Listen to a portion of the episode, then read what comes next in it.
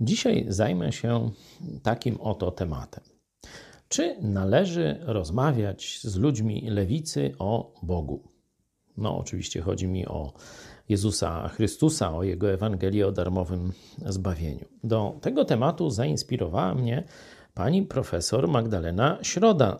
Była w środę nomen omen na debacie w naszej telewizji i tam w jednym z kontekstów powiedziała, że ona jest zafascynowana postacią Jezusa, no chociaż w niego nie wierzy.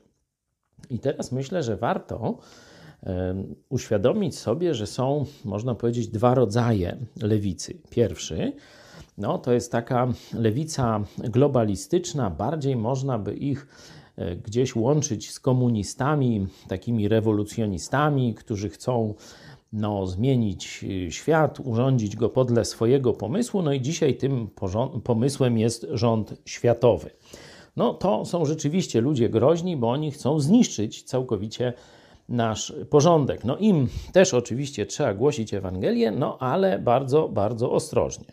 Ale oprócz tego jest bardzo dużo, można powiedzieć, takich pogubionych ideowo, czy szukających ideowo, precyzyjnie e, można powiedzieć, ludzi, e, którzy mają poglądy lewicowe, którzy definiują się jako ateiści, ale szukają dobra. No i teraz, wiecie, z tymi ludźmi nie podjąć e, dialogu, nie zacząć z nimi rozmawiać o Jezusie, żeby go przedstawić takim, jakim on jest naprawdę, a nie takim, jakim pokazuje go Kościół e, katolicki i e, do, od niego odstrasza ludzi, no to byłoby wręcz grzechem zaniedbania. My musimy tym ludziom mówić Ewangelię, szczególnie, że dzisiaj młode pokolenie jest coraz bardziej lewicowe i ateistyczne. Warto też pamiętać, że Kościół ten hierarchiczny, Kościół Franciszka, on dzisiaj dogadał się z tą lewicą globalistyczną. Będzie nas też zwalczał.